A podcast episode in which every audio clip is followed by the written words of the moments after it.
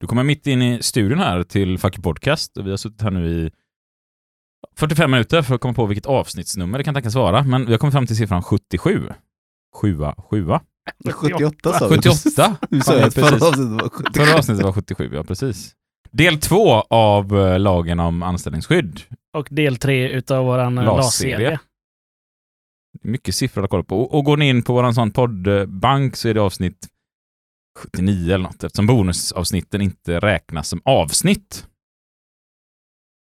i nummerordningen. Det är, Så beroende på hur man ser på det så kan det vara mellan 78 och 84 eller något där. men nu ska vi berätta om alltså hur del- lagen funkar. Ja, Och den har vi koll på. För att förtydliga så är det alltså del två av lagavsnittet men del tre av LAS-serien. Häng med! What the fuck are we doing out here? I ask you, what in the fuck are we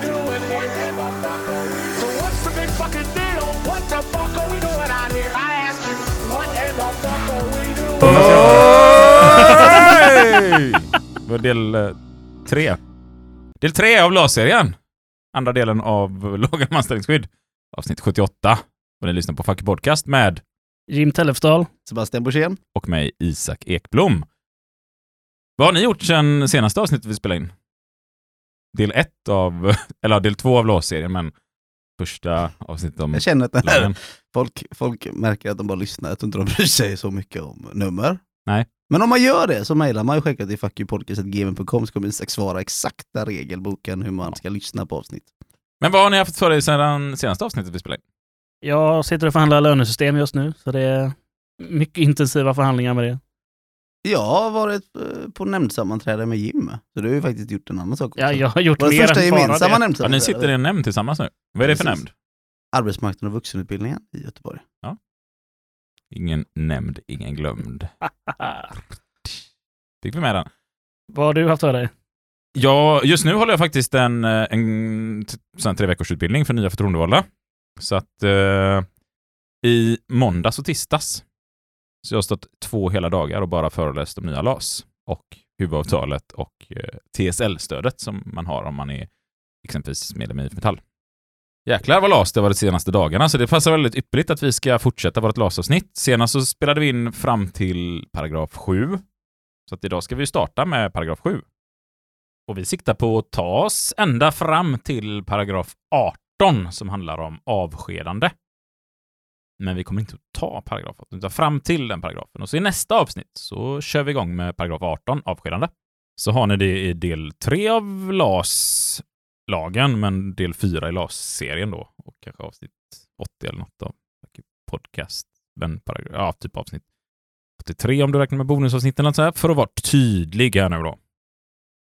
Och lite så skämt åsido här, om vi ska kortfattat gå igenom så kommer dagens avsnitt handla om sakliga skäl, kriterier som misskötsamhet, medvetenhet, konsekvent handlande, skada, skyldigheter, ordervägran, onykterhet, fängelse, giltig frånvaro, ogiltig frånvaro, utför arbete, ordningsregler, arbetsmiljöregler, samarbete, samverkan och lojalitet. Så det är brett med just det här med sakliga skäl. Sen kommer vi även in på hyvling, tid för hyvling, uppsägning, besked om uppsägning, lön vid arbetsbefrining, avräkning, rätt att söka ny tjänst med lön och avslutande av tidsbegränsad anställning. Så det blir dagens avsnitt och jag föreslår att vi bara kastar oss rätt in i paragraf 7. Uppsägning från arbetsgivarens sida. Paragraf 7. Uppsägning från arbetsgivarens sida ska grunda sig på sakliga skäl. Sakliga skäl kan vara arbetsbrist eller förhållanden som hänför sig till arbetstagaren personligen. En uppsägning är inte grundad på sakliga skäl om det är skäligt att kräva att arbetsgivaren bereder arbetstagaren annat arbete hos sig.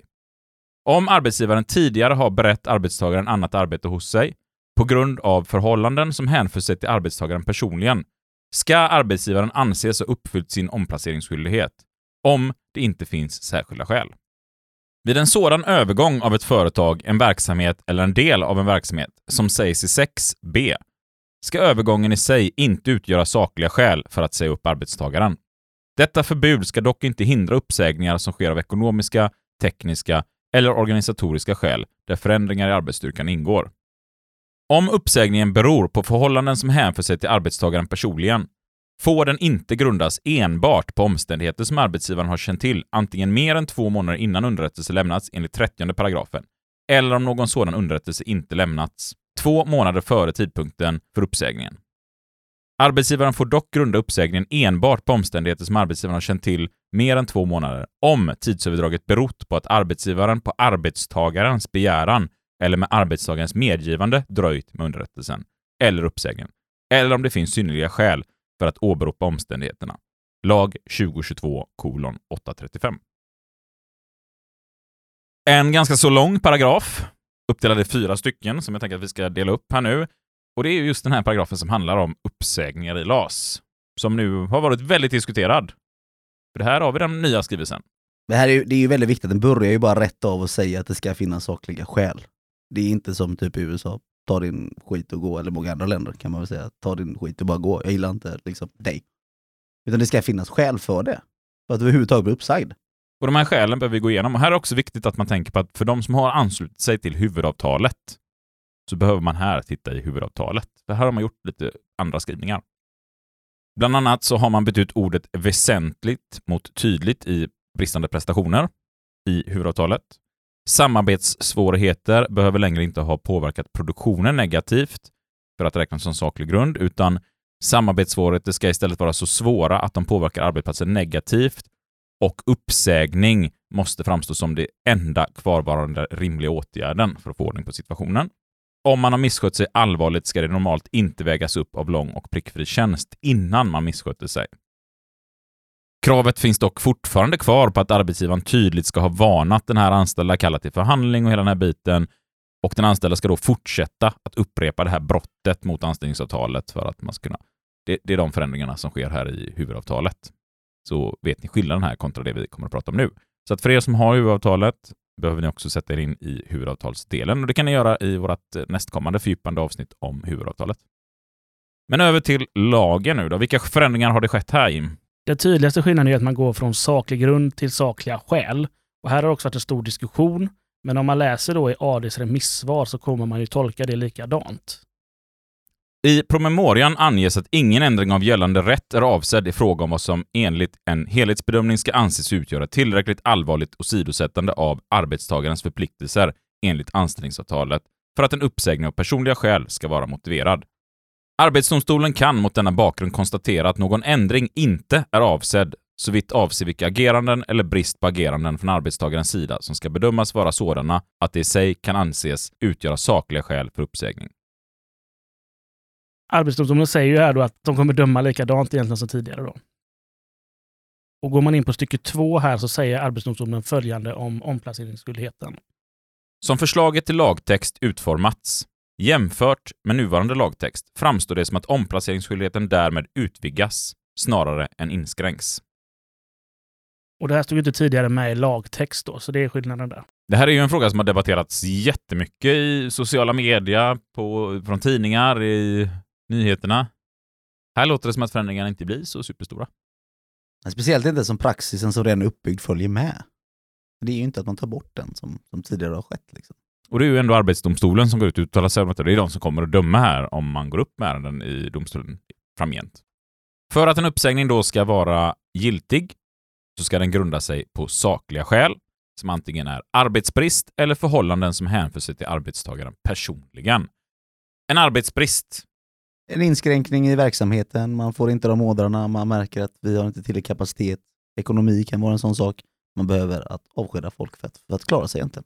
I en stor koncern så skulle det kunna vara en sån sak som att man stänger ner en del av verksamheten och därmed blir det en övertalighet och då kan man se upp de här personerna. Det är väl kanske den vanligaste typen av uppsägning som sker. Med en liten hänvisning tillbaka till just en sån här grej, det är ju inte bara att göra det där. Det finns ju många saker att ta hänsyn till. Har man gjort en riskbedömning hur verksamheten kommer klara sig efteråt, för att ersätta de här tjänsterna som försvinner och sånt. Så det är inte bara att, att kolla i lagen om anställningsskydd, utan är ni förhandlare och ni inte är skyddsombud eller har skyddsombud med, så prata med dem. Har de verkligen gjort det här innan? Vad sägs om ett eh, avsnitt där vi går igenom ett varsel? Tycker jag. Allt man ska tänka på. Det blir bara fler och fler delar i den här LAS-serien. Men allt här ska ju förhandlas. Det finns väldigt bra vägledning till hur man går vidare med detta. Det ska ju riskbedömas och så vidare. Ja, och, och så har man personliga skäl då. Det, det är ju saker som grundar sig i någonting som händer till dig som individ. Men kan även också vara, du lyssnar inte på instruktioner, arbetsgivaren instruerar dig att du ska göra på det här sättet och du bara, ja men jag har alltid gjort på detta sättet så jag kommer fortsätta med det. Det spelar ingen roll vad du säger och arbetsgivaren säger, nej men det är så här vi måste jobba, det är instruktionerna på den här arbetsplatsen. Ja, det kan vara personliga skäl som att arbetsgivaren då inte väljer att behålla dig. För att reda ut det här begreppet med personliga skäl nu då, så behöver vi titta på vad är det Arbetsdomstolen har tagit hänsyn till tidigare, eftersom man säger att man ska gå ifrån samma domar. Då har vi tre kriterier som alla måste vara uppfyllda för att AD ska kunna säga att det här är särskilda skäl eller saklig grund. Misskötsamhet, medvetenhet, konsekvent handlande och skada. Alla de här tre kriterierna måste vara uppfyllda. För att då titta på vad som kan vara misskötsamhet så får vi titta på vilka skyldigheter har man som anställd. Man har skyldighet att utföra visst arbete. Man har ju ofta ett anställningskontrakt som talar om vad är det för arbete vi gör här. Eh, och i princip kan vi hårdra det så här att eh, vi ska göra det vi blir tillsagda på dagarna, så länge det inte är fara för liv och lem. Då har ju vem som helst rätt att stoppa ett arbete. Annars är ju rekommendationen alltid att kontakta ditt fackförbund. Gör arbetsuppgiften men kontakta ditt fackförbund för att driva frågan. Var detta verkligen okej arbetsuppgift? Man ska följa de ordningsregler som finns på arbetsplatsen. Följa de arbetsmiljöregler som finns på arbetsplatsen. Samverka och samarbeta samt visa lojalitet. Tittar vi på nästa punkt som är medvetenheten eller det konsekventa handlandet så ska det vara konsekvent agerande. Det ska ha skett med medvetenhet och en uppsägning får aldrig komma som en överraskning för den anställda. När man tänker på det här med konsekvent agerande då kan det vara saker som att det är planlagt, man tittar på värdet och arten. Är det en engångsförteelse eller är det ett upprepat beteende? Finns det där ett svikt förtroende? Eller en, en förtroendeställning med i biten egentligen. Och slutligen då så tittar man även på skada. Vilken skada har uppkommit av detta? Det är man också olika bedömningar beroende på vad det är och även här då, om det finns något förtroende med i frågan som kan vara skadat. Och då pratar vi liksom inte så här, jag har inget förtroende för dig längre för du kom sent två gånger. Utan det ska röra sig om ett förtroende som är i exempelvis AD-dom 1976 kolon 124 när två stycken stuveriarbetare från Göteborgs hamn hade köpt ut stora mängder sprit och cigaretter och smugglat ut. Där bolaget då hävdar på att eh, det här är inte rimligt eftersom vi har ett ansvar mot Tullverket att varor ska förtullas. Så det är ett sådant typ av förtroende som ska brytas. Inte bara att man själv hävdar att nu har inte jag något förtroende för dig längre för att du har varit uppkäftig eller gjort någonting mot mig som inte jag tycker är okej som chef. Slutligen då tittar man också på vilken skada har skett. Har det inte skett någon skada, inte uppsägning. Däremot kan det vara ett oönskat beteende man behöver arbeta med att ta tag i och det kan vara så att man sitter ner och förhandlar fram att personen får en erinran att så här ska vi inte bete oss på arbetsplatsen. Den skadan skulle ju då sen på sikt, om det här upprepas, upprepas, upprepas, kunna leda till en skada i form av vad man här då pratar om som påverkan av arbetsmoral eller liknande. Om en hel stor grupp skulle tycka att varför händer ingenting, den här personen beter sig så här hela tiden. Det kanske inte blir en ekonomisk skada, men till slut skadar det organisationen så mycket att det påverkar negativt. Men det är ingenting man kan hävda, liksom, man gör ett fel en gång och så, ah, du har påverkat arbetsmoralen, nu får du gå. Så enkelt är det inte. Vi ska ta lite exempel här, lite, lite AD-domar, men även titta på den här biten just med att det får inte komma som en, som en överraskning för den anställda. Som anställd ska man ha fått en chans att ändra sitt beteende. Sen finns det undantag där det kan då röra sig om avsked exempelvis. Men 86 så förklarar Arbetsdomstolen genom en dom att en varning måste vara kraftfull och tydlig så att det går upp för arbetstagaren att dennes anställning är i fara om den påtalade misskötsamheten fortgår. Därför bör ju en skriftlig varning utfärdas alltid vid sådana här fall, för då har man ju ett bevis på att man någonstans har pratat med den anställde. Och det är inte som så här att man kan varna någon för sen ankomst och sen fem år senare varnas den för någonting, ett backjobb och sen så händer en helt annan händelse tre år senare och så säger man titta, du har redan fått varningar, utan det ska ju vara för samma beteende, det man har arbetat med. Sen har man fått 25 olika varningar för, för liksom ja, det är sen ankomst, du röker inomhus, du skiter i arbetsutrustning, du ordervägrar, ja, men då kan man ju visa upp en misskötsel givetvis. Men man kan liksom inte plocka saker som inte hänger ihop med varandra och säga att du har ju blivit varnad tidigare. Så det här med tre varningar, sen åker man ut, som vissa tror. Du kan åka ut på en varning om det är tillräckligt grovt. Och du kanske inte åker ut efter tre varningar om det inte har med varandra att göra. Sen har vi också omplaceringsskyldigheten som kommer in här. Att det första steget är ju inte att avsluta någons anställning, utan man har en skyldighet att omplacera i full utsträckning. Det här ska göras och man ska utreda varenda liten möjlig omplacering som kan ens tänkas finnas innan man får avsluta någons anställning. Där har jag ett jättetydligt exempel på en arbetsplats som eh, jag har varit på tidigare. Som, eh, vi hade en kille som försov sig ofta då, eh, men man flyttade honom till kvällsskiftet istället. Så han jobbar fast kväll istället då för att undvika eh, det här beteendet. Och här får man också hålla isär vissa av de här arbetsdomstolsärendena som finns. För en hel del ärenden resulterar i att arbetsgivaren förlorar för att man har inte gjort en tillräcklig omplaceringsutredning. Man har inte tittat på omplaceringsmöjligheterna. Så att det kan vara ganska allvarliga saker någon har gjort, men eftersom man inte har omplacerat eller tittat ordentligt på omplaceringsmöjligheterna så ogiltigförklaras uppsägningen. Två exempel som visar på den här skillnaden här är bland annat AD-dom 1981 kolon 158 där en lastbilschaufför som är anställd vid ett åkeri förlorar sitt körkort på grund av rattfylleri. Där blir personen uppsagd då man vid en omplaceringsutredning inser att eh, nej, men här behöver man ha ett körkort för de tjänsterna vi har. Du kan inte jobba kvar här. Där anser Arbetsdomstolen att det finns saklig grund för uppsägning. Men sen har vi en dom, 2002 26, där en barnarbetare, alltså inte ett barnarbetare utan man jobbar med bana på Banverket, blir av med sin anställning då han på fritiden gjort sig skyldig till grovt rattfylleri, smitning, stöld och misshandel och vissa av de här brotten har begåtts med en bil som tillhör Banverket. Där anser Arbetsdomstolen att man inte har gjort en tillräcklig omplaceringsutredning och därför finns det inte saklig grund för, för uppsägning. Rätt stor skillnad med två ändå ganska snarlika case. Kan man till och med tycka att den ena personen hade begått rätt mycket värre saker än den första. Men det är alltså omplaceringsmöjligheterna man bedömer här utefter. Nästa begrepp jag tänker vi ska titta på här, det är följa ordningsregler och då skulle vi kunna komma in på det här med våld och hot. För där finns det också en, en otydlighet. Att, eh, är det verkligen så att om man slår någon på käften så blir man av med jobbet? Eller då har man rätt att bli av med jobbet eller arbetsgivaren kan se upp en? Är det så förenklat? Även här så är det faktiskt så att Arbetsdomstolen gör, de tittar på omständigheterna runt omkring. Bland annat så tittar man på om arbetstagaren har provocerats av den slagna, om gärningen är en engångsförteelse, graden av våld och skadans omfattning. Har man förorsakat skadan med avsikt eller inte? Har misshandeln skett i tjänsten eller inte? Rekommendationen från oss här är ju att inte slå någon på käften på arbetsplatsen. Definitivt. För när vi börjar titta på de här domarna som finns, då är det lite svårt att få en bild om man verkligen går efter alla de här bedömningspunkterna här. 1978 92 Hamnarbetarförbundets ordförande i Göteborg sägs upp från sin 12-åriga anställning i ett stuveribolag. Sedan bland annat misstänks för misshandel. Arbetsdomstolen fann utrett att han tryckt fast en arbetsledare mot hans bil på ett sådant sätt att arbetsledaren åtog sig skador som medförde tre veckors sjukskrivning. Skadorna hade dock inte tillfogats avsiktligt och misshandeln ägt rum på en parkeringsplats utanför företagets område. Den anställde kände inte arbetsledaren sedan tidigare den anställde hade också på ett kränkande sätt förtalat en annan arbetsledare. Arbetsdomstolen kom fram till att saklig grund för uppsägningen inte förelagt, men att kravet nästan var uppfyllt. I domen anger AD också att kravet för saklig grund för uppsägning inte får sättas högre för fackliga förtroendemän än för andra arbetstagare.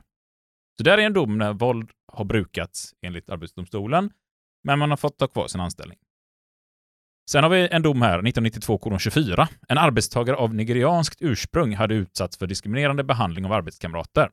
Vid ett tillfälle blev han så provocerad av en av dessa att han jagade honom genom fabrikslokalen och slog mot honom utan att träffa, med ett borstskaft. Arbetsdomstolen godkände uppsägningen och ansåg att provokationen och diskrimineringen saknade betydelse för ärendet. Så att, två händelser, helt olika utfall. Väldigt svårt att dra liksom en, en, eh, en tydlig linje på vad är uppsägning för hot och våld och inte. Så att rekommendationen, ja, men i den mån det går, håller ifrån och lappa till folk på käften. Bruka inte våld. Helst. Det är vår rekommendation ändå.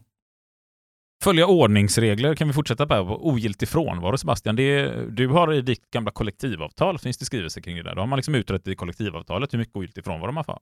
Ja precis, där, är det väldigt, eh, eh, där, där står det verkligen konkret att du får vara borta max 10 dagar och därefter så räknas det som att du sagt upp dig själv. Så här, återigen en fråga man behöver också ha lite pejl. Har vi kollektivavtal där vi reglerar de här frågorna? Vid sådana ärenden så kollar man annars på misskötsamheten som har påverkat tjänsteutövningen. Och det är ju allvarligare, ju viktigare och känsligare befattning som man har som arbetstagare. Misskötsamhet, trots att man har fått varningar tidigare, och den skada och risk som har uppstått för arbetsgivaren. En ogiltig frånvaro kan ju också bero på att man inte kan ta sig till jobbet och då tänker jag framförallt kanske på fängelsestraff. Där har vi en AD-dom 1978-86 där en arbetstagare häktades och dömdes sedan till ett års fängelse för brott som inte har med samband med arbetet att göra. Arbetsgivaren avskedade då honom. AD fann att arbetsgivaren inte ens hade skäl till att säga upp arbetstagaren. Vi har också AD-dom 1986-21. En dekoratör anställd på ett varuhus dömdes till två års fängelse för narkotikabrottslighet. Arbetsdomstolen fann att saklig grund för uppsägningen inte förelåg. Däremot så har vi två stycken domar från 2001, kolon 2 och 2001, kolon 94, där man konstaterar att fem års fängelse och respektive sex års fängelse var skäl till uppsägning. Så vid fängelsestraff är det också någonting man behöver kolla upp specifikt. Vad är det för straff och är det någonting som kan påverka förtroendet? Om vi ska ta och titta på det här med onykterhet i tjänsten så är det ju bara i förekommande allvarliga fall som man faktiskt kan säga upp någon i och med att det här är en sjukdomsproblematik. Ska, man titta på de domar som finns så kan man väl säga att tillståndet ska vara så allvarligt att ingen förbättring kan förväntas. Och det är ju ganska långt gånget då. Så att eh, jag tänker att det fokuserar vi på ett rehabavsnitt lite längre fram i podden istället. För det här är ju en rehabfråga snarare än en LAS-fråga skulle jag säga. Vi kan väl gå in och titta lite på de här illojalitetsdomarna som finns också. Nu vet vi inte med nya LAS riktigt vad man kommer gå efter. De ska ju vara vägledande, men det blir ju förändringar i nya LAS här kring illojaliteten. Som vi pratade om tidigare i podden här. Men vi kan titta på några av dem som har varit, bara för att man ska få sig en liten bild av hur de har dömt tidigare. 1993 kolon 142. En maskinförare hade egen grävmaskin som han i konkurrens med arbetsgivaren försökte få arbete för. Vad tror du Jim? Uppsägning eller ej? Avsked i det här fallet. Eller ej? Avsked då. Det var avsked, ja.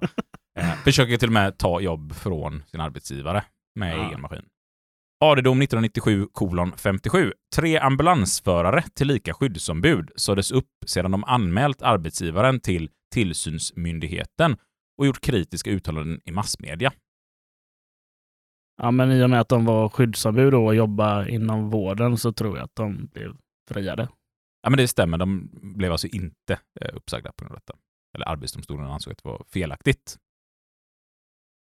AD 2004 50. En arbetstagare hos Svensk Bilprovning utförde på sin fritid reparationer och besiktningar på släpvagnar hos ett kundföretag.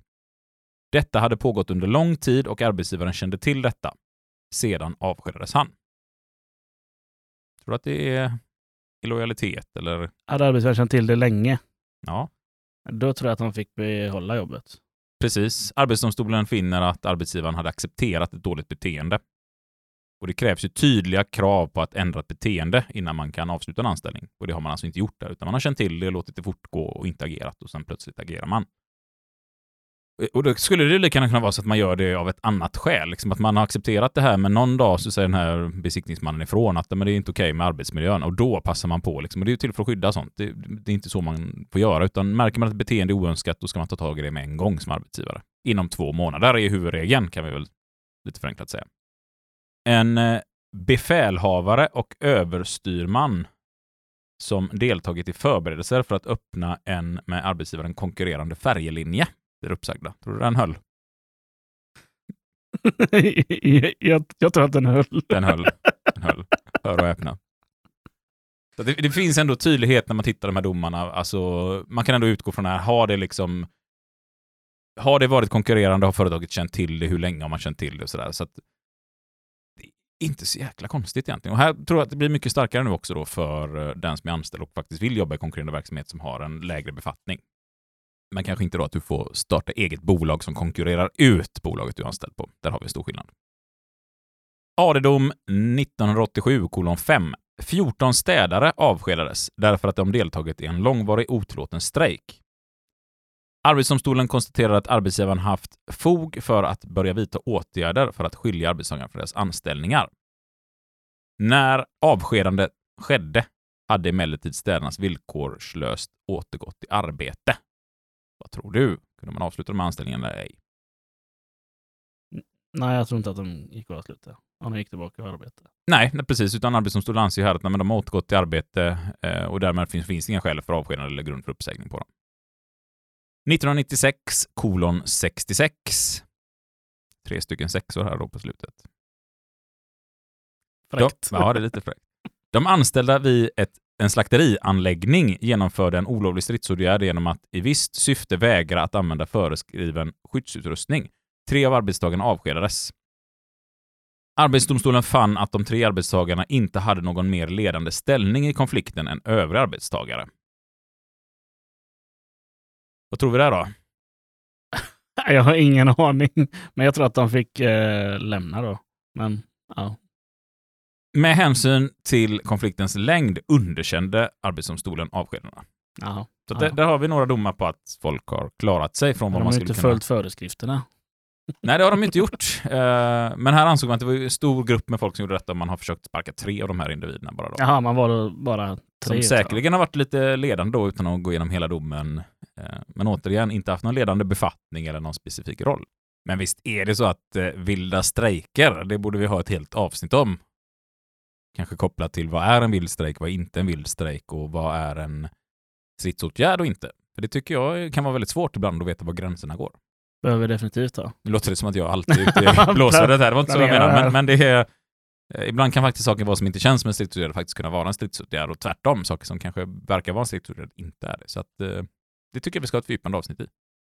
Det blir bara mer och mer. Du sitter och nickar här nu för en gångs skull. Ja, det är. Du brukar säga att jag inte får lova saker på podden. Nej, men det här tycker jag ju faktiskt att vi ska försöka stilla att det blir av. Ja, det är bra. Ibland är han bra, Jim. Sitter inte bara och stoppar mig, Sebastian, alla gånger.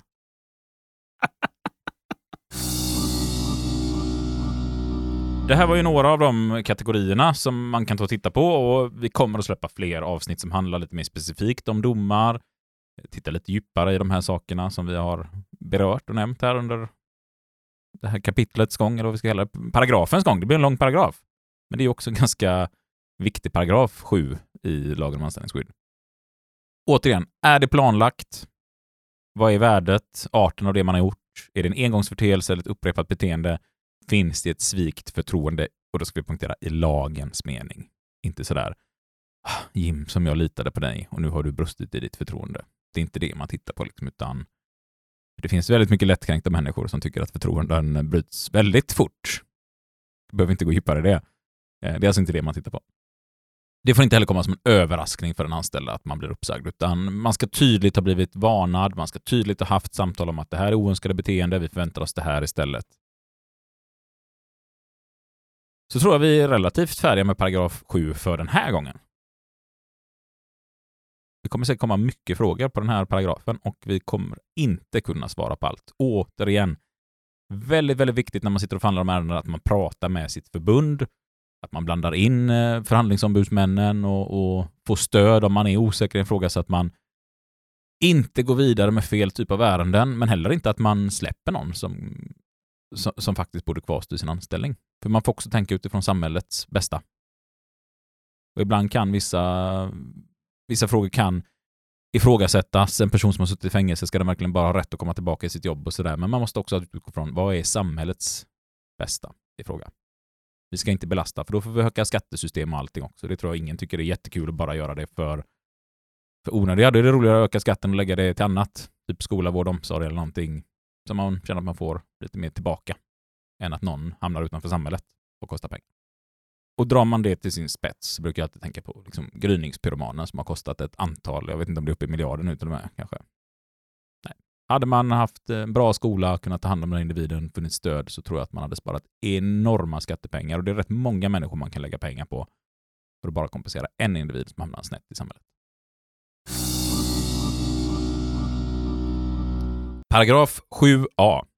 Vid en omorganisation som på en och samma driftsenhet innebär att en eller flera arbetstagare vars arbetsuppgifter är lika ska erbjudas omplacering enligt sjunde paragrafens andra stycke till nytt arbete som innebär sänkt sysselsättningsgrad ska arbetsgivaren iaktta följande turordningsregler bland de arbetstagare som har högre sysselsättningsgrad än den lägsta som avses att erbjudas. Arbetstagare med kortare anställningstid ska erbjudas omplacering före arbetstagare med längre anställningstid. 2. Erbjudande med lägre sysselsättningsgrad ska lämnas före erbjudande med högre sysselsättningsgrad. Lag 2022 835. Här pratar vi om begreppet hyvling. Och jag tänker att vi ska fortsätta att läsa paragraf 7b när vi ändå är inne på hyvlingsparagraferna här. En arbetstagare som accepterar ett erbjudande om omplacering enligt sjunde paragrafens andra stycke till nytt arbete som bara innebär sänkt sysselsättningsgrad har rätt till en omställningstid. Under omställningstiden får arbetstagaren behålla sin sysselsättningsgrad och sina anställningsförmåner. Omställningstiden börjar löpa när arbetstagaren accepterar erbjudandet och är lika lång som den uppsägningstid som skulle ha gällt vid en uppsägning från arbetsgivarens sida. Dock längst tre månader. Lag 2022 kolon 835. Där har vi två paragrafer som handlar om hyvling. Om vi börjar med det här begreppet hyvling, Jim. Hur ska man pedagogiskt förklara det? Ja, det innebär ju att du eh, sänker sysselsättningsgraden. Om du då har haft till exempel så här, 100 anställda och så behöver du bara ha 80. Istället för att säga upp 20 personer så sänker du allas tid till 80 procent istället. Och det var det här begreppet som kommer att kallas hyvling, alltså man hyvlar av tiden på alla istället för att eh, dra ner på personal. Något som är emot det fackliga löftet. Det är något av det första vi får lära oss att så ska vi aldrig någonsin göra. Det innebär ju en hel del problem för den som jobbar på ett sånt ställe att man helt plötsligt inte har sin heltid kvar. Och med tidigare lagstiftning då, där man inte heller fick ha konkurrerande verksamhet, så innebär det att jobbar man i en mataffär så har man kanske inte ens rätt att jobba i en annan mataffär under samma koncernnamn. Jag tänker då framförallt på den här eh, franchiseföretagen som är ihopsatta av massa olika handlare. Sen kan vi ju lägga till att det var ju faktiskt Coop som var med och helt införde det här med hyvling. Så att eh, kanske så att ni som lyssnar borde engagera er som Coop-ombud så vi får ta tillbaka vår matvaruaffär. Läxa till nästa avsnitt. Ni har blivit Coop-ombud, samtliga lyssnare. Ja, för det här är ju en dom som har fallit som har förstört väldigt, väldigt mycket. Eh, vi vet att handeln har fått betala en hel del för att få bättre lösningar på det här i sina kollektivavtal. Den stora skillnaden som blir nu i lagen om anställningsskydd kontra hur det var innan, det är ju då att man går efter LAS-listan. Så är det en person som man ska minska arbetstiden med 10 procent på, då är det den som är sist in. Man kan inte bara välja vem som helst. Med tanke på vad som har hänt sista tiden här, och då tänker jag framförallt på butikskedjan Hennets och Maurits som går ut och hyvlar nu stort, så får vi se hur detta utvecklar sig. Vi får även se hur fackförbunden väljer att kontra den här situationen och jag tror att det kommer bli en väldigt stor fråga i avtalsrörelsen. Så att det här är definitivt en sån här paragraf som vi kommer få återkomma till i ett separat avsnitt kring hyvling. Hur fungerar hyvlingen?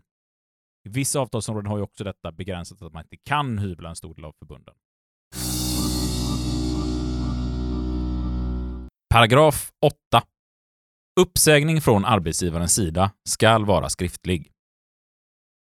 I uppsägningsbeskedet skall arbetsgivaren ange vad arbetstagaren ska iaktta för det fall att arbetstagaren vill göra gällande att uppsägningen är ogiltig eller yrka skadestånd med anledning av uppsägningen. I beskedet skall vidare anges om arbetstagaren har företrädesrätt till återanställning eller ej.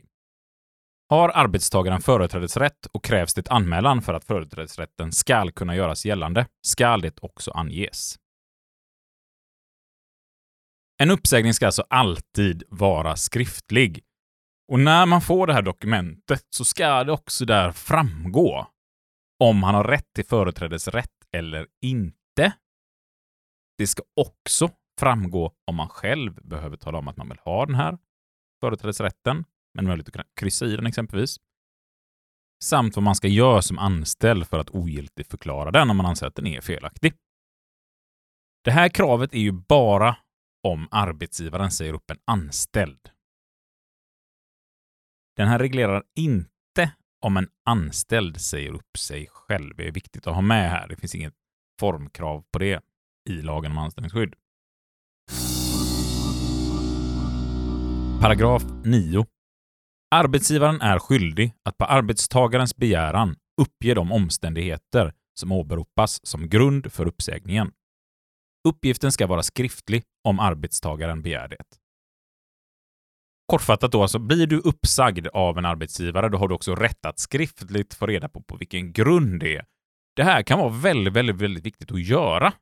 För det kan vara så att man blir uppsagd på helt fel grunder.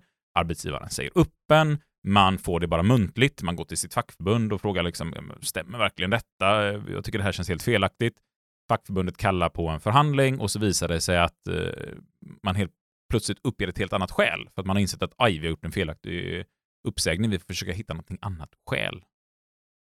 Det kan ju ske. Det kan vara så att man säger upp någon för att man tycker att du har haft för mycket sjukfrånvaro exempelvis. Och när man väl kallar för förhandling och talar om att man kan inte säga upp någon för att sjukfrånvaron är för mycket, har ni gjort den här reaplanen? Nej, men det var inte på grund av det. Det är för att vi har fått eh, för lite att göra på företaget. Så det, det är eh, en arbetsbrist. Då kan det vara väldigt svårt att bevisa vad som är sagt muntligt. Så att tipset är att alltid begära ut skriftligt på vilka grunder har jag blivit uppsagd. Paragraf 10. Uppsägningsbeskedet ska lämnas till arbetstagaren personligen.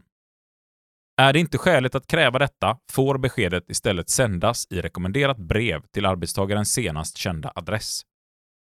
Uppsägning anses ske när arbetstagaren får del av uppsägningen. Om arbetstagaren inte kan anträffas och ett uppsägningsbesked har sänts i ett brev enligt första stycket anses uppsägningen ha skett tio dagar efter det att brevet lämnades till posten för befordran. Har arbetstagaren semester anses uppsägningen ha skett tidigast dagen efter den då semestern upphörde. Den här paragrafen, paragraf 10, talar ju då om att man ska lämna det här personligen till arbetstagaren. Det ska inte gå till fackföreningen, det ska inte gå till något ombud, utan det ska gå personligen till individen som har blivit uppsagd. Den talar också om att om man av något skäl inte kan få tag på, det kan ju vara som så att personen sitter i fängelse, det kan vara som så att man har försvunnit från sin arbetsplats och inte dykt upp på tre månader och ingen vet var man är någonstans, ja, men då kan man skicka det här till hemma, senast kända hemadressen. Då är ju tipset där att skicka det rekommenderat också så att man har ett bevis på att det är skickat och sådär. Paragraf 11. Uppsägningstid. För både arbetsgivare och arbetstagare gäller en minsta uppsägningstid av en månad. Arbetstagaren har rätt till en uppsägningstid av två månader om den sammanlagda anställningstiden hos arbetsgivaren är minst två år men kortare än fyra månader. Tre månader om den sammanlagda anställningstiden är minst fyra år men kortare än sex år. Fyra månader om den sammanlagda anställningstiden är minst sex år men kortare än åtta år. Fem månader om den sammanlagda anställningstiden är minst åtta år men kortare än tio år. Och sex månader om den sammanlagda anställningstiden är minst tio år. Om en arbetstagare som är föräldraledig enligt fjärde eller femte paragrafen föräldraledighetslagen 1995 584 sägs upp på grund av arbetsbrist börjar uppsägningstiden löpa när arbetstagaren helt eller delvis återupptar arbetet eller när arbetstagaren skulle ha återupptagit sitt arbete enligt den anmälan om föräldraledighet som gäller när uppsägningen sker. Lag 2015 759. Här är ju en paragraf som är semidispositiv. Den kan alltså åsidosättas av kollektivavtal om man har förhandlat in någonting annat. Men det kan även vara så att man personligen har gjort ett avtal med sin arbetsgivare om förmånligare villkor. Och kortfattat så reglerar den här då att du har en månads uppsägningstid om du säger upp dig själv och du har en månads uppsägningstid om företaget säger upp dig. Men det är ju även så att ju längre din anställningstid är, ju mer ökar uppsägningstiden på om företaget säger upp dig. Det vill säga två månader om du har arbetat i mer än två år, men kortare än fyra år. Och sen ökar det här på med en månad upp till med sex månader om man har då jobbat mer än tio år hos arbetsgivaren. Tidigare har vi också här då gått igenom de paragrafer som går igenom hur man får räkna ihop sina anställningsår. Är du föräldraledig enligt fjärde eller femte paragrafen i föräldraledighetslagen och sägs upp på arbetsbrist, då börjar inte uppsägningstiden löpa förrän dess att du är tillbaka i arbete. Dock är det viktigt att tänka på att det är både deltid eller heltid. Är det nu så att man är föräldraledig, du ska vara hemma på lång tid och så vet du att det ligger ett varsel på jobbet, man kommer att dra ner på tjänster och så får man ett telefonsamtal. Ja, du har inte lust att bara komma in och jobba helgen. Då kan det ju vara som så att det är en liten fuling företaget gör och så åker man in och där får man sin uppsägning. Så att eh, fundera noga flera gånger innan du överväger att göra det om det redan ligger varsel. Och det är flera företag som har varit ute och varslat och så ska man kanske vara hemma på ett år. Och när det här året har gått så visar det sig att nej, men vi har behövt återanställa en och då kanske man inte ens blir uppsagd på grund av arbetsbrist. Så att eh, man får noga överväga de här bitarna och definitivt ta råd av sin fackliga organisation. Återigen en eh, paragraf som väldigt, väldigt ofta förändras i kollektivavtal. Väldigt många tjänstemän har ju till exempel en uppsägningstid om kanske tre månader, även inom kommunal verksamhet. Och då har man ju ofta fått någonting mer för detta. Det kan vara så att man får fler semesterdagar. Det kan vara så att man har en, eh, en längre uppsägningstid också om företaget säger upp en. Att du kanske har tre månaders egen uppsägningstid och istället för sex månader, tolv månaders uppsägningstid om företaget säger upp dig. Här finns det utrymme att förhandla om man är i en tjänst där man tycker att ja, men vi, vi kan tänka oss att förändra uppsägningstiderna, både vår egen mot att få lite högre anställningstrygghet om företaget får mindre att göra. Så att här finns ju ett förhandlingsutrymme som kan vara ganska intressant att titta på. Det låser ju dock de anställda kvar om man vill byta jobb, men det kan också vara så att företaget faktiskt tycker att vi är beredda att betala för detta eftersom det är svårt att på en månad hitta en ersättare till en individ. Så att eh, fundera lite på vad skulle det vara värt för er att öka på uppsägningstiden. Är det ett par veckor extra semester per år eller en längre uppsägningstid? Ja, 10 000 i månadslön kanske. Paragraf 12. Lön och andra förmåner under uppsägningstiden. En arbetstagare som har blivit uppsagd har rätt att under uppsägningstiden behålla sin lön och andra anställningsförmåner, även om arbetstagaren inte får några arbetsuppgifter alls eller får andra arbetsuppgifter än tidigare. Lag 1984 kolon 1008.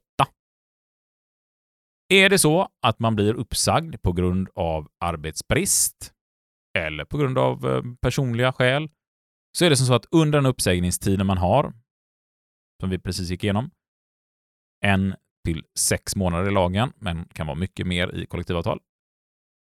Då spelar det ingen roll om man inte får några arbetsuppgifter, om man blir hempermitterad under tiden eller om man bara får gå runt på arbetet. Man ska ändå ha sin lön och sina anställningsförmåner. Här är det också viktigt att man tittar i sina kollektivavtal. Hur, hur ser löneavtalen ut? Bonusavtal? Har man rätt till snittlön? Om man jobbar på ett ackordssystem? Lite sådär. Så här blir också rätt mycket man får titta i sitt egna kollektivavtal. Hur har man skrivit om bonusar? Hur har man skrivit om lön, lönetillägg och, och så vidare? Hur försvinner de och på hur snabb tid får man ta bort de här från individen? Det kan vi inte riktigt gå in i detalj, men jag själv jobbar ju på ett ackordssystem och där ska vi ha snittlön om det här skulle hända oss. Så att då hamnar man inte ner på grundlön. Det skulle bli ganska låg för oss. Likadant kan det se ut inom många typer av säljaryrken. Paragraf 13. Om arbetsgivaren har förklarat att arbetstagaren inte behöver stå till förfogande under uppsägningstiden eller en del därav, får arbetsgivaren från förmånen enligt 12 paragrafens första stycke avräkna inkomster som arbetstagaren under samma tid har förvärvat i annan anställning. Arbetsgivaren har också rätt att avräkna inkomster som arbetstagaren under denna tid uppenbarligen kunde ha förvärvat i annan godtagbar anställning lag 1993 718. Blir man alltså uppsagd här för exempelvis arbetsbrist och företaget talar om att Nej, men du behöver inte stå till arbetsgivarens förfogande under tiden som vi har inget jobb till att göra, du kan gå hem så länge. Men man tar en annan anställning och får lön därifrån. Då har alltså arbetsgivaren rätt att räkna av den lönen från den, de kostnader som företaget själv har för dig, lönekostnader. Därför är det väldigt viktigt att man kommer överens om detta vid en sån här uppsägning. Att vad ska gälla? Är det avräkningsfritt eller inte? Alltså kan jag ta ett annat jobb och ha dubbel inkomst under tiden? Det är vanligt att man förhandlar om det här exempelvis för att företaget känner att ja, men vi vill fritt kunna anställa när det vänder eller om det vänder. Och därför kanske man erbjuder att eh, om du inte begär återanställningsrätt, vi förhandlar bort den, då kan du fritt få gå hem idag, arbetsbefriad och bära ja, inkomst egentligen från två olika håll utan att vi räknar av det. Det är en förhandlingsfråga. Ingenting som faller ut per automatik. Väldigt viktigt att tänka på här att tar man ett annat jobb så normalt så räknar man av det under uppsägningstiden, eller man tjänar. Däremot har man nu gjort ett avtal om det, som exempelvis Unionen gjorde på ett tennisföretag utanför Göteborg. AD-dom 2008 nummer 98. Då har man skrivit in i ett avtal att en anställd avslutas arbetsbefriad utan avräkning. Där företaget menar på att ja, men du får lön trots att du inte arbetar. Arbetsdomstolen konstaterar att att skriva ett avtal utan avräkning innebär att du kan ha ett annat jobb under tiden och du har dubbla inkomster utan att företaget har rätt att göra avdrag på detta. De menade på att det var fram till den hittar ett nytt jobb. Så här är det viktigt att hålla koll på vad är det man förhandlar och skriver in. Eh, återigen, som anställd, driva frågan om man känner att men vänta nu, jag har fan rätt här. Även om man har missförstått varandra, har du tolkat lagtexten utifrån att du har blivit arbetsbefriad och den är avräkningsfri, ska det vara så också, även om arbetsgivaren trodde att det betydde något annat. Så att en klok sak är väl också att prata igenom och ställa kontrollfrågor. Har jag rätt till det här? Har jag rätt till det här? Ta det gärna i mejlform, så eh, har man också ett skriftligt bevis på det. Kollar vi på delen i paragrafen här som säger att arbetsgivaren har också rätt att avräkna inkomster som arbetstagaren under denna tid uppenbarligen kunde ha förvärvat i annan godtagbar anställning. Då ligger där en bevisbördan på företaget. Och i den bedömningen då så ska man ta hänsyn till lön, personliga förhållanden, arbetsorter, kompetens och lite allt möjligt. Paragraf 14. En uppsagd arbetstagare får inte förflyttas till annan ort under uppsägningstiden om arbetstagarens möjligheter att söka nytt arbete därigenom skulle icke obetydligt försämras. Under uppsägningstiden har en uppsagd arbetstagare också rätt till skälig ledighet från anställningen med bibehållna anställningsförmåner för att besöka Arbetsförmedlingen eller på annat sätt söka arbete. Del 2 här, andra stycket i paragraf 14, talar ju också om här att man har rätt till skälig ledighet från sin anställning med bibehållna anställningsförmåner, alltså lön, för att besöka Arbetsförmedlingen eller på annat sätt hitta nytt arbete. Återigen en sån här viktig fråga för vad är bäst för samhället? Men har ni behövt säga upp någon, då måste den personen få ett nytt jobb för att inte belasta samhället. Och då får den på betald ledig tid gå och söka nya jobb, få hjälp av Arbetsförmedlingen, gå på en arbetsintervju och så vidare.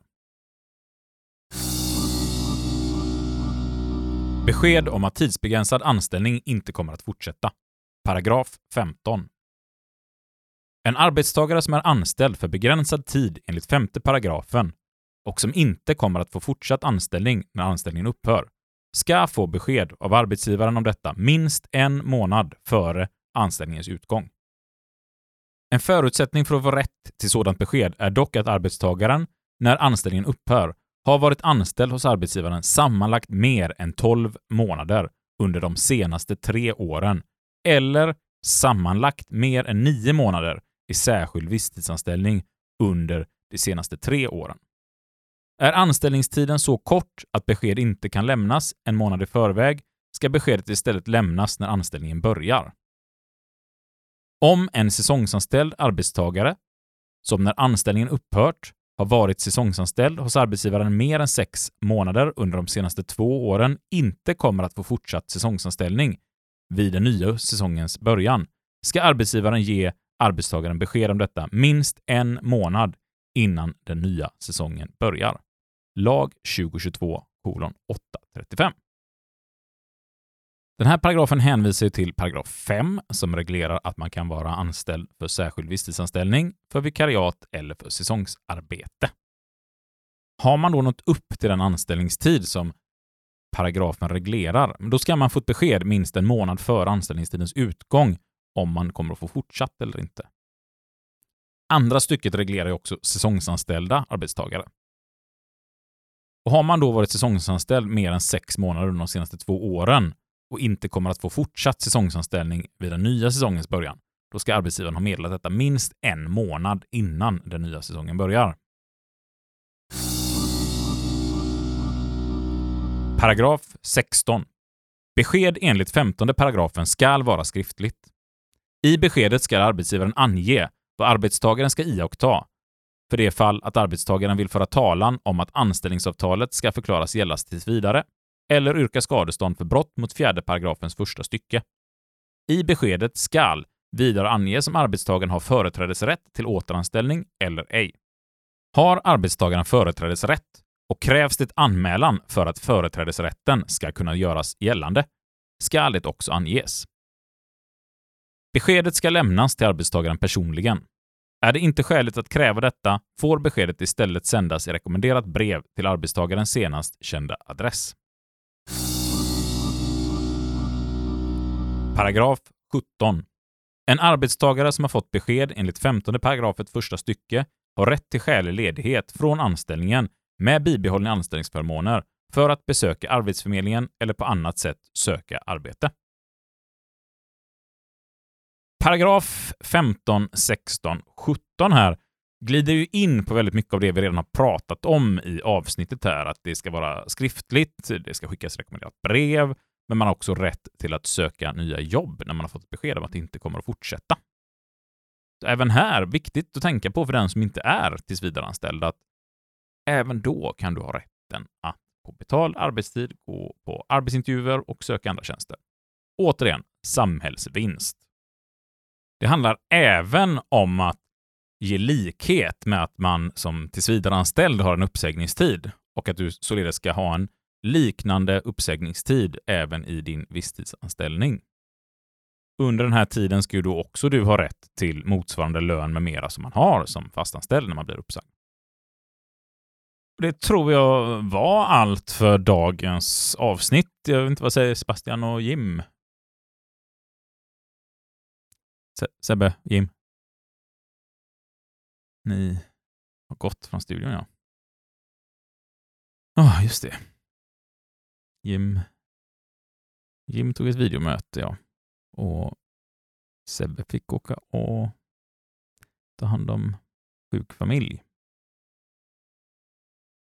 Så att, eh, här sitter jag kvar. Eh, ensam i studion. Jag vet inte om man ska hävda att det är ogiltig frånvaro eller vad vi ska riktigt hitta på här. Som det inte riktigt hjälper inte riktigt när jag varnar dem heller om jag ska vara ärlig. Det kanske är som företagen säger att det är omöjligt att ha anställda. Det är inte så bara anställda heller, utan det är ju helt frivilligt uppdrag som vi gör på vår fritid och det är rätt sent på kvällen här och alla har ju andra antaganden också så att säga. Mm. Jag vet inte, vi kommer runt den här problematiken, men eh, vi får väl tacka för oss idag och så får vi ju höras om två veckor ungefär när vi släpper del, vi behöver inte ge oss in på det där igen, nästa del av eh, lagen om anställningsskydd. Och då kommer vi fortsätta med avsked, permittering, turordning, undantag, företrädesrätt, info till klubb, vad som ska förhandlas lokalt och centralt, avslutning av anställningar, avslutning av provanställningar, rätt att kvarstå i anställning, ogiltigförklaringar. Vi kommer komma in lite på förhandling och preskriptionstider i nya LAS. Med de orden så skulle jag vilja tacka er som har lyssnat och tacka för att ni delar och stödjer och följer podden. Jag vill även rikta ett stort tack till eh, några fackliga organisationer som har bjudit in oss och fått tala på både årsmöten, styrelsemöten för hela regioner och lite sånt där. Det är jättekul. Ni får jättegärna bjuda in oss till fler ställen så kommer vi när vi har tid och möjligt. Det är fortfarande som så att vi har inte världens starkaste ekonomi den här och fritiden börjar ta mer eller mindre slut, så att vi är jättetacksamma för alla er som också går in och blir stödmedlemmar och eh, det är helt fantastiskt att se att ni bidrar med rätt mycket eh, medlemsavgift, ni som går in och den är helt frivillig, så man kan gå in med 500, 200 eller 100 eller en spänn om man känner för det. Eller 10 000. Ni väljer själva vad ni vill gå in med och då blir man medlem i ett år. Då blir man inbjuden till årsmötet. Jag har sagt nu ett par gånger att vi ska ha lite aktiviteter och grejer också, så det får vi också se till att dra ihop här nu, att vi har någon rolig onlinekväll för alla som är medlemmar och så kanske vi gör en På spår på räls eller någonting så att inte SVT stämmer oss här. Och då kan man swisha in sitt namn och sin e-postadress till 123 09 084 26 så blir man medlem i ett år. Man kan också som förening, som vi nu har faktiskt, eh, lite föreningar, bland annat eh, en rätt så stor eh, del av Byggnads här har bjudit in oss och vill bli föreningsmedlemmar här.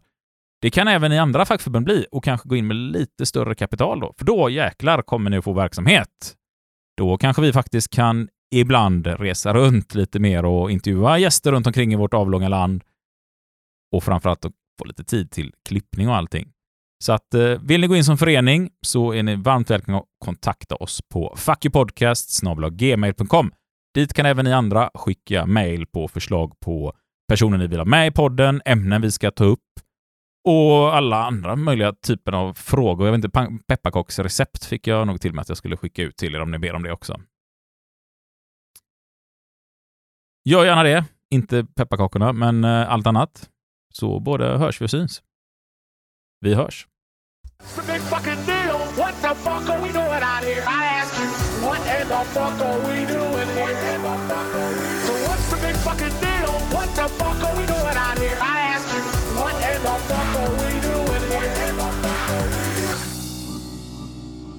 Jaha, Jag tänkte jag kolla om han jävla dörren stängd. så du har varit nere och letat efter mig? Nej, jag var aldrig nere. Nej, du var aldrig nere. Jag tänkte jag kollar så han inte är här bara. Ja. Det var du. Mm. Är du färdig med videomötet nu? Jag är färdig med videomötet. Mm. Lyssnarna undrar nog var fan du har varit någonstans. Ja, hur länge har du kört? Har du spelat in massa under tiden? Ja, Herregud. Bra jobbat. ja tack. Jag är färdig med min videomöte. Ja, gick det bra? Eh, det gick ganska bra. Ja, men det har gått bra. Vi har förberett oss inför stor förhandling, jag och kollega. Så det, Mitt i nattetid. ja, men ibland behöver man ta grejer. Han jobbar kväll den här veckan. Så. Får du offra dig som klubbordförande. Precis. Men då fick lyssnarna höra din ljuva stämma ändå innan, innan vi helt avslutar det här avsnittet då, som vi gör nu. Ja. Har vi någon rolig ordvits vi kan avsluta med då? Det behöver vi inte göra. Jag vet inte om du hörde Jim om han eh, Bagan som eh, han höll på att träna mycket och sådär och så fick han sparken för att han hade bränt över 8000 kalorier om, om dagen. Oj. Ja. Han hade, ju glömt bullarna i ugnen. Sen var det ju han elektrikern som fick sparken med. Han skulle ju laga en brödrost. Det var något fel på den så den rostade ju inte. Men eh, ja, han slängde den i havet. Så nu eh, rostar den. Nu rostar den.